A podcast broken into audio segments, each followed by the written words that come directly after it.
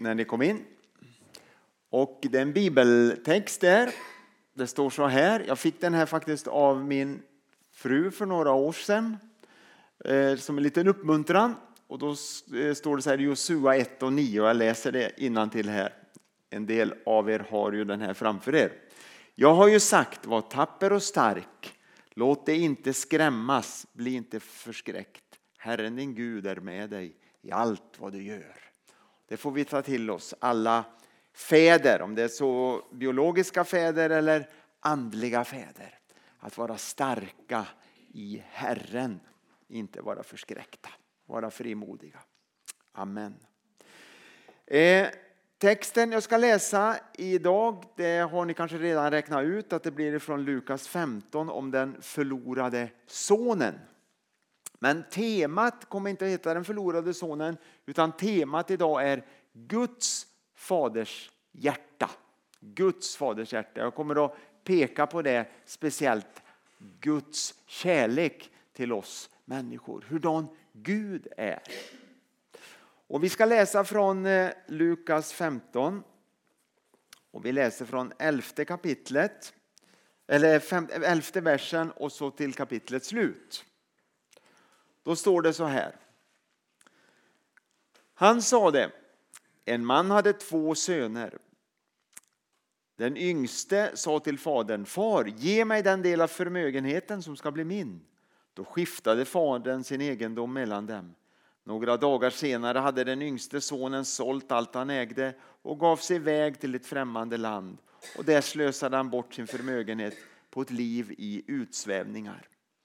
När han hade gjort av med allt blev det svår hungersnöd i landet och han började lida nöd. Han gick och tog tjänst hos en välbärgad man i det landet och denne skickade ut honom på sina ägor att vakta svin. Han hade gärna velat äta sig mätt av fröskidorna som svinen åt, men ingen lät honom få något.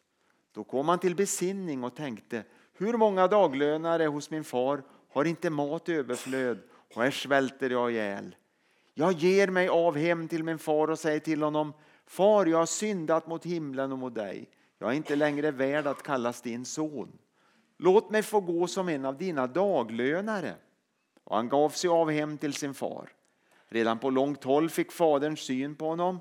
Han fylldes av medlidande och sprang emot honom och omfamnade honom och kysste honom. Sonen sa, Far, jag har syndat mot himlen och mot dig. Jag är inte längre värd att kallas din son. Men fadern sa till sina tjänare, Skynda er att ta fram min finaste dräkt och klä honom i den och sätt en ring på hans hand och skor på hans fötter och hämta gödkalven och slakta den så skall vi äta och hålla fest. Min son var död och lever igen. Han var förlorad och är återfunnen och festen började. Och så tar vi den sista delen där också. Men den äldste sonen var ute på fälten. När han på vägen hem närmade sig huset hörde han musik och dans. Han kallade på en av tjänarna och frågade vad som stod på.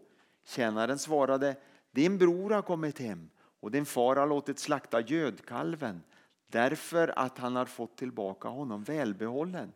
Då blev han arg och ville inte gå in. Fadern kom ut och försökte tala honom till rätta. Men han svarade, här har jag tjänat dig alla dessa år och aldrig överträtt något av dina bud. Och mig har du aldrig gett ens en killing att fästa på med mina vänner. Men när han kommer hem, din son som har levt upp din egendom tillsammans med horor, då slaktar du gödkalven. Fadern sa till honom, mitt barn, du är alltid hos mig och allt mitt är ditt. Men nu måste vi hålla fest och vara glada, för din bror var död och lever igen. Han var förlorad och är återfunnen. Amen. Tack Herre för ditt ord som vi får läsa. Tack att det är ett välsignat ord och det får sjunka ner i våra hjärtan och fylla oss med glädje och inspiration Herre. Hjälp oss att förstå lite mer av din kärlek, din faders kärlek Herre. Hjälp mig att kunna predika så att det blir, det blir levande Herre. Jag ber om det Jesus. Amen. Ja, en spännande berättelse. Den kanske en av, man kan väl säga en av de mest kända berättelserna i Bibeln. Barmhärtige samariten är en och det finns några sådär som är väldigt kända och, Och alla nästan vet vilka, eller ja inte alla kanske, men väldigt många känner till i alla fall. Och det är ju liknelser det här. Jesus berättar liknelser. Man brukar ju säga att den förlorade sonen, brukar alltid tänka på det, är världens sämsta skidåkare, det vet ni. Han åt fröskidorna och så vallade han svinen. Det stod inte i nya översättningen, men i gamla står det vallade svinen. I konkurrens med Norges sämsta Inge Glid. ja, så är det. Eh, det kan man tänka på, men det är inte det viktigaste. Så är det. Eh, liknelsen här den riktar sig till syndare naturligtvis. De kom, står det i inledningen av texten. Om man går till början av kapitlet står det att syndare, han talar till syndare, men också till de rättfärdiga. Och det var väl främst de egentligen han, han eh, talade till Jesus, de självrättfärdiga, skriftlärda och fariseerna. För de förstod inte att Jesus kunde ha kontakt med syndare. Det förstod de inte. Och de förstod inte att Gud hade en kärlek till de människor som var förlorade, att Gud ville att de skulle komma tillbaks. Så därför är udden riktad mot dem, även om undervisningen också är för dem som är i den situationen som den förlorade sonen var i. Eh, sista delen av det vi läste det handlar om den hemmavarande sonen. Det var ju lite skillnad. Han hade ju varit hemma jämt, han hade aldrig lämnat hemmet. Och det kanske vi känner igen oss mer. Jag vet inte eh, hundra var och en av er bakgrund, men i alla fall om jag går till mig själv så känner jag igen mig mer i den hemmavarande sonen. Jag förstår kanske inte riktigt den här den förlorade sonen, men hemmavarande sonen kan jag förstå lite mer. Och han blev lite avundsjuk också, var ganska egoistisk när han såg vad fadern gjorde med den yngste sonen, att de tog tillbaka honom när han kom hem. Eh, och som jag sa, att fariséerna och skriftlärda de hade inte lärt känna Guds faders hjärta. Vid ett annat tillfälle så använde Jesus uttrycket Abba fader. Kanske ni kommer ihåg, Paulus skriver så också en gång. Abba fader. Det är som att man kunde ha en sån relation till Gud att man kunde hoppa upp i pappas knä och sitta där och ha en kärleksfull gemenskap. Den relationen ville Jesus undervisa människorna om att man kunde ha med Gud. Och han visade också genom sitt liv främst vem Gud är, vem Fadern är. Vi kan se det genom Jesus. Om man läser i början av kapitlet, vi gjorde inte det nu, vi hinner inte göra det och eh, ska, jag ska inte predika om det heller, men det är egentligen tre liknelser då, hela, hela Lukas 15. För det första är det, handlar det om det förlorade fåret som vi känner igen också, också en välkänd berättelse. När eh, en kom bort där och, och eh, herden lämnar de 99 och, och söker det förlorade fåret. Det handlar också om det förlorade myntet och när kvinnan tappar bort den pengen och så letar man efter det och så blir man väldigt glada när man hittar det sen. Och så kommer det berättelsen eller liknelsen om den förlorade sonen. Och den pekar på hur Gud söker, han väntar och längtar. Och alla tre lyfter fram det här Guds glädje när den, det som är förlorat eller den som är förlorad, borttappad eller bortsprungen hittas igen eller kommer tillbaks. Guds glädje lyfter den fram. Himmelriket, alltså i himmelriket är det glädje när den som är förlorad eller bortsprungen eller borttappad återfinns. Det är viktigt att komma ihåg och det är en poäng eller min stora poäng idag i den här predikan. Det förlorade fåret eh, kom bort på grund av dumhet eller dårskap kan man säga. Pengen kom bort på grund av att någon tappade bort den, alltså det var någon annans fel. Och så kan det också vara människor som gör sig skyldiga till att, att andra går, liksom kommer vilse. Och, eh, men den förlorade sonen var ren rebelliskhet och ren upp, rup, rent uppror att han kom bort. Så det finns lite olika kategorier här också.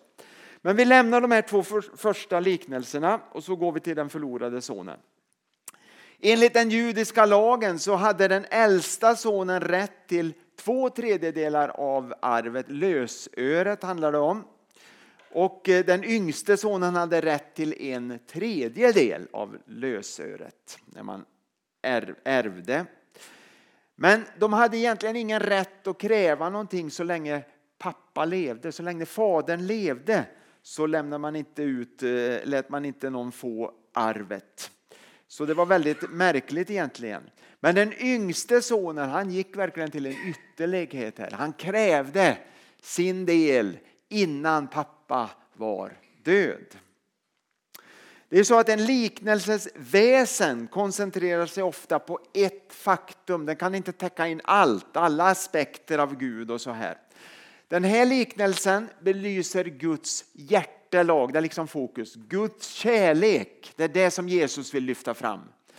Inte vad Gud har gjort för att kunna frälsa oss. Det finns inte i den här liknelsen. Ingen liksom eh, direkt det här med försoningen och korset. Okej, okay, Guds kärlek och så, men inte att, att, att det behövdes ett offer, att det krävde någonting. En kostnad det lyfts inte fram i den här liknelsen. Utan det lyfts fram Eh, Guds kärlek, det är det som är i centrum. Tre punkter har jag. Nummer ett. Fadern älskade sonen tillräckligt för att låta honom lämna hemmet. Guds kärlek var så stor så han lät sonen gå. Han försökte inte tvinga honom kvar. Det är väldigt viktigt. Han försökte inte tvinga fram någon gemenskap. Men han sörjde i sitt hjärta när sonen lämnade oerhört mycket. För han älskade fortfarande sin son. Det var inte eh, det spelade ingen roll vad, vad sonen gjorde för kärleken var ju likadan ändå. Och så kan vi också tänka oss om vi tänker på våra barn eller de som står oss väldigt nära, kanske i familjen, och så här, om de lämnar eller är, är, eh, gör någonting som är fel eller eh, sviker oss på något sätt, att kärleken finns ändå kvar där i våra hjärtan. Och så är det ju ännu mer för Gud, för han älskar ju oss alla och hans kärlek är ju oerhört stor, och oerhört djup. Så han sörjer oerhört djupt också när vi inte vill ha med honom att göra. Fadern hade gjort allt för sin son. Och som jag sa innan så var det ovanligt att en far utskiftade arvet innan han var död. Det var ju väldigt märkligt egentligen. Men Jesus drar ju ofta liknelserna lite till lite det extrema så där, för att verkligen få fram poängerna. Men sonen här, han hade fattat ett orubbligt beslut. Han ville verkligen dra från hemmet och ut i stora världen och leva livet så att säga. Och ordanalysen här i vers 30 13 som vi läste. Eh, det stod att eh, några dagar senare hade den yngste sonen sålt allt han ägde och gav sig iväg till ett främmande land. Det kan betyda att han hade man kan översätta det så att han hade förvandlat allt han ägde till kontanter för att kunna ge sig iväg. Så nu hade han verkligen pengarna i handen och så kunde han köpa vad han ville och leva som han drömde om när han gick där hemma. Fadern hade säkert förberett sonen för vuxenlivet. Det är nog ganska eh, självklart så, så var det ju i en, en judisk familj och han hade fostrat honom i lagen och den judiska traditionen. Så det var en stor besvikelse det här hos pappa att den yngste sonen drog iväg. Naturligtvis var han glad att den äldste var kvar men det, det, det vägde inte upp för att eh, den yngste sonen hade ju ändå gett sig av. Så kärleken till den yngste sonen gjorde att han varje dag spanade och väntade att han skulle komma tillbaka. Pappa ville ha sonens hjärta. Det är en poäng i den här liknelsen. Sonens hjärta, inte bara en yttre lydnad eh, och att han levde rätt och gjorde det rätta och sa det rätta utan det var hjärtat pappan ville åt. Och så är det med Gud också i våra liv. Utan han är mest intresserad av våra hjärtan. Det är ju det han ser till. Sen är det bra om vi gör rätta saker också till det yttre, uppför oss så att säga. Men det är ju inte det som är huvudpoängen utan det är ju var vi har våra hjärtan någonstans. Är det av kärlek till Gud eller är det yttre tvång det handlar om? Det där är ju väldigt viktigt och det undervisar ju Bibeln oss en hel del om. Eh. Press, hot och överdrivet hårda regler det kan göra att vi skymmer Guds nåd för människor. Och Vi kan bli formade också till en religiös eh, lagiskhet i våra liv. Om man styr människor för hårt, och jag tänker kanske i synnerhet jag tänker på en familj med barn, att man styr dem oerhört hårt, då kan det lätt bli att det blir uppror i familjen. Och det, det känner vi ju till också. När man kuvas hemma så kommer upproret antagligen förr eller senare. Det är inte att man inte ska ha regler och tydliga linjer. Det är inte det det handlar om, för det är ju också väldigt viktigt. Men det där att man kuva människor och tvinga människor, det går inte, det fungerar inte. Då blir det ett uppror förr, förr eller senare. Så fadern älskade sonen tillräckligt för att låta honom lämna hemmet. Han lät honom gå. Nummer två. Fadern älskar sin son så mycket att han varje dag väntar honom hem. Han spanade hela tiden. Kommer han inte snart? Är det han som kommer där borta? Eller nej, det var inte han. Eller är det han? Kommer han där? Nej. Kanske han tänkte när han vaknade, kommer han idag? Kanske kommer han imorgon. Nästa dag. Vi vet inte hur lång tid det var, men det gick nog antagligen ganska lång tid i alla fall som pappa fick vänta. Och Gud, som jag sa, han låter oss gå. Ibland tillåter Gud den hårda vägen. Läste idag på morgonen en artikel i, i tidningen Dagen om en man som var känd, är ganska känd här, som eh, jobbar som, eh, jag kände inte igen honom men det verkar som han var känd i alla fall enligt det reportaget. Och han hade jobbat mycket med intervjuer och så här och var väldigt politiskt aktiv.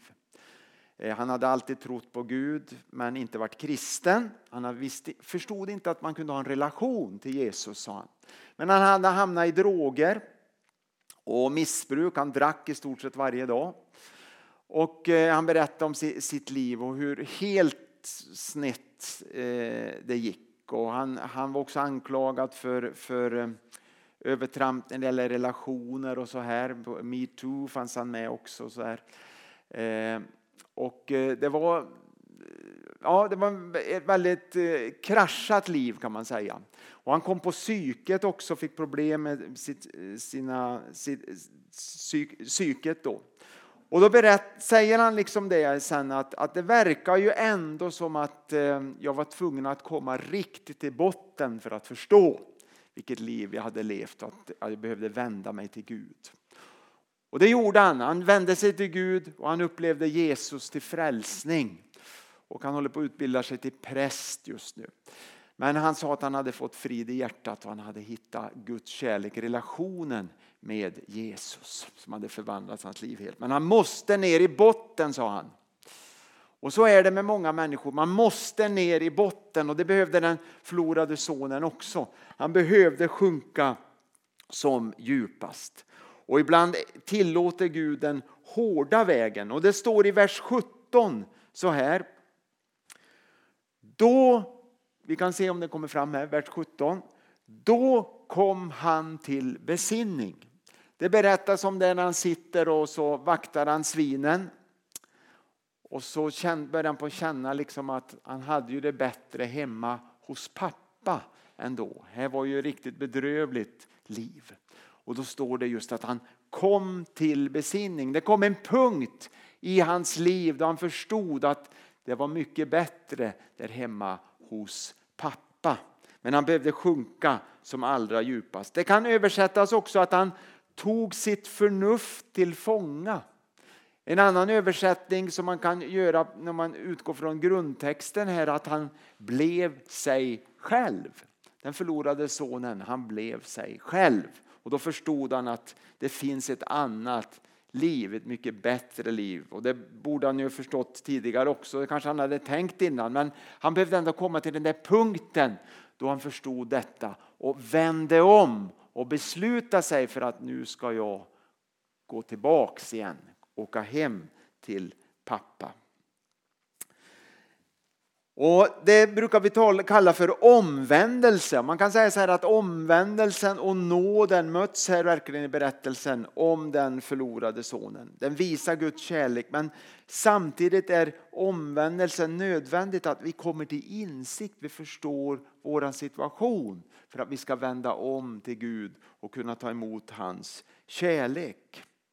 Och omvändelsen som han gjorde här, den är lika verklig eller lika stark som själva fallet, hans uppror. Han var långt borta från hemmet i ett främmande land men han var också långt borta från sig själv.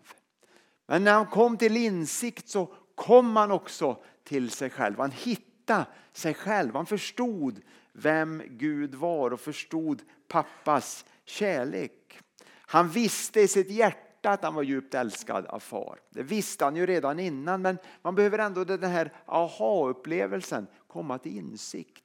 Och så är det också ditt och mitt liv. Vi vet nog med oss att vi är älskade av Gud men många gånger så tror jag vi behöver komma ändå till insikt också. Den här aha-upplevelsen. Jag är verkligen älskad av Gud. Och Det kanske kan vara lite svårare när man alltid har varit med i kyrkan. Jag pratar till mig själv återigen. Det kan vara lite skillnad för den som kommer helt utifrån och kan tänka tillbaks på ja, ett liv i droger eller vad det än nu är i sus och dus och, och, och långt borta från Gud.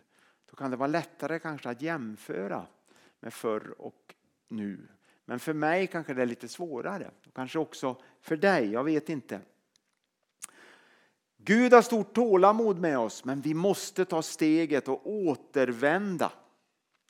Och jag brukar återkomma till det ibland att Guds kärlek är som en magnet. Det är som att han har skapat oss med en magnet i våra hjärtan och hans kärlek är som en magnet som drar sig till Gud. Liksom man, man, man vill närma sig Gud.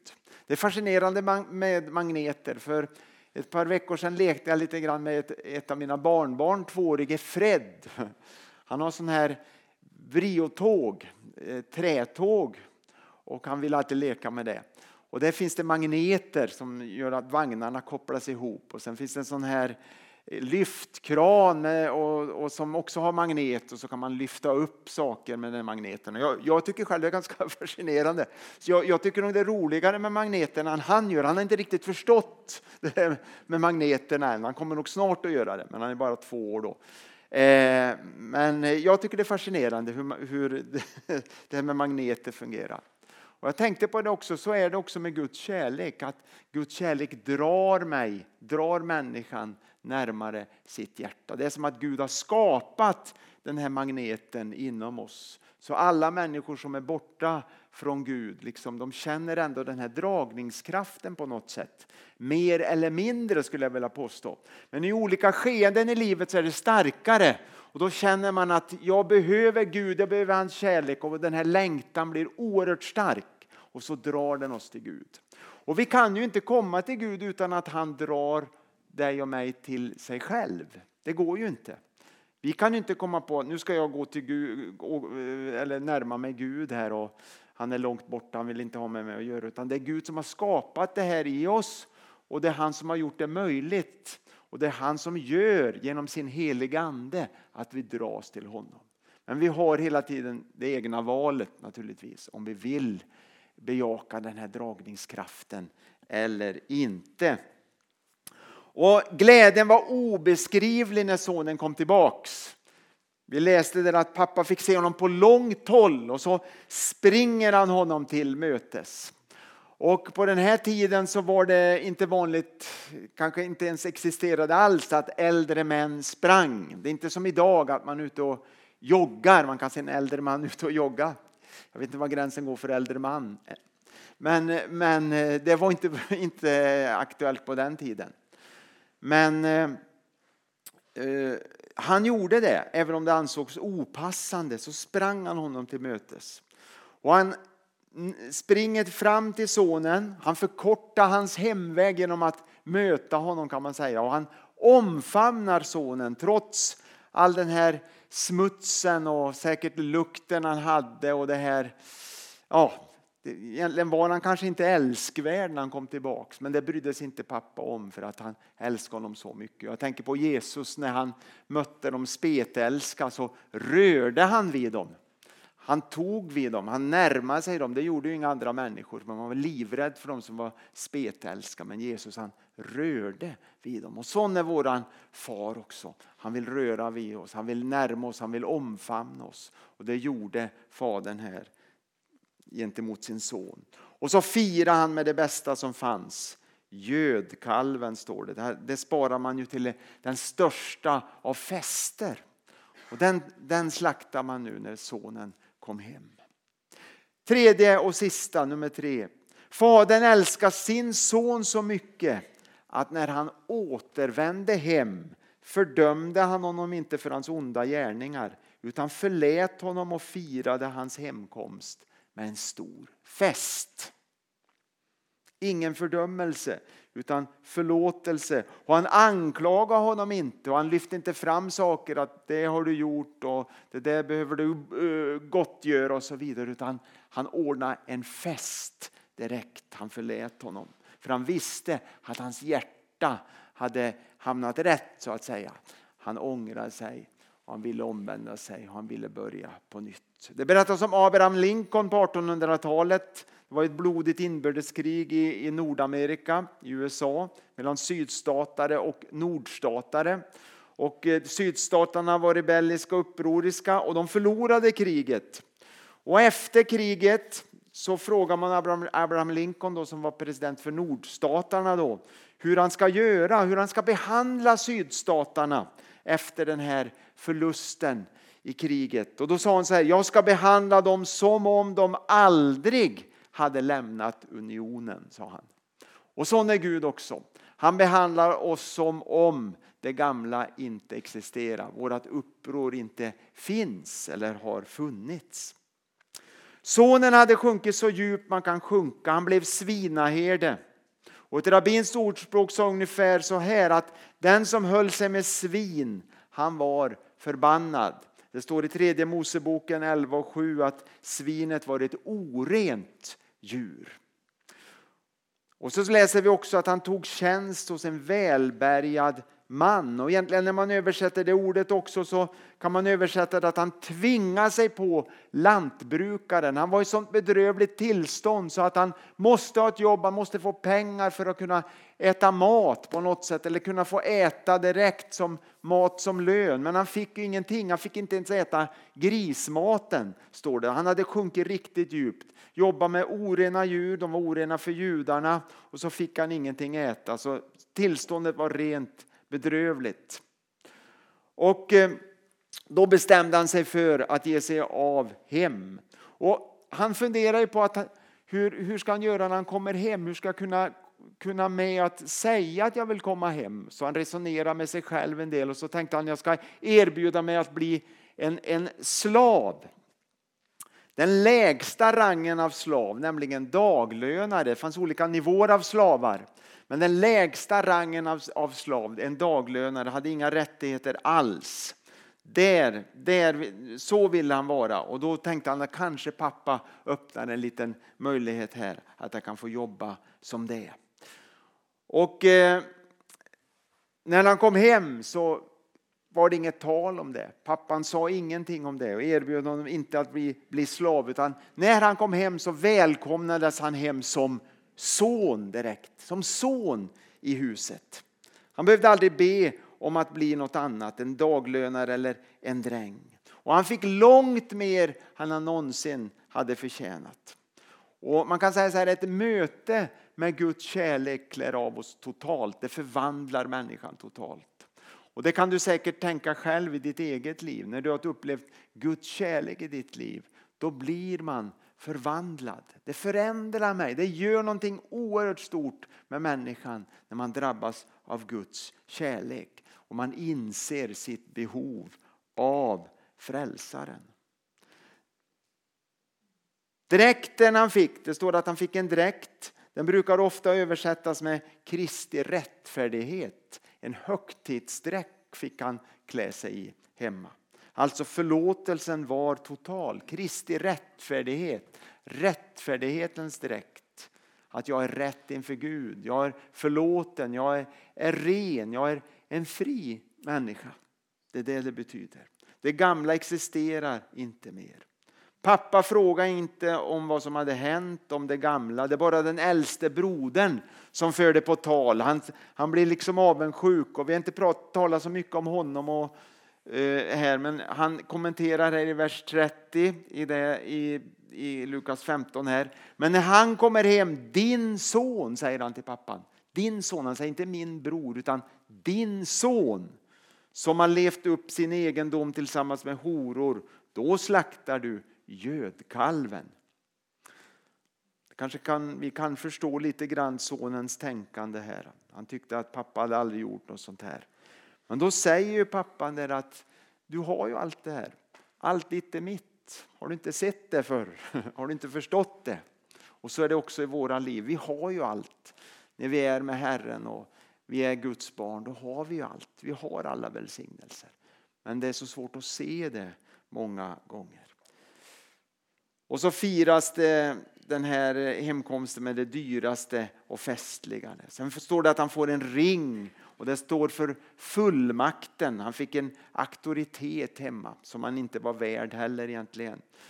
Och skorna brukar man tala om att kan, skulle man kunna översätta att det står för friheten. Slavar de hade inte skor, de var barfota men sonen hade skor och då fick han en frihet. Han blev välkomnad hem som son.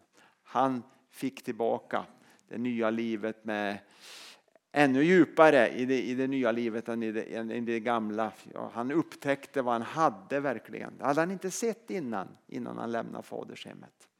Men nu såg han vad han hade och vad han hade förlorat och missat. Och så är det med Gud. Guds kärlek är så stor så vi har väldigt svårt att förstå det. Men han vill att vi ska erfara hans kärlek. Han vill röra vid våra hjärtan så vi ser vad vi har, vad vi äger i honom. Han vill beröra oss. Och som sagt, det är lättare tror jag att se det när man kommer helt utifrån än när man har växt upp i kyrkan och församlingen. Men Guds kärlek kan drabba oss hur, hur som. Vi alla kan få uppleva en förnyelse av Guds kärlek. En förnyad syn på vem vår himmelske fader är. Amen. Tack Jesus för att du är här den här söndag förmiddagen. Tack att du vill tala genom ditt ord och tack att du vill röra vid våra hjärtan och våra tankar Herre.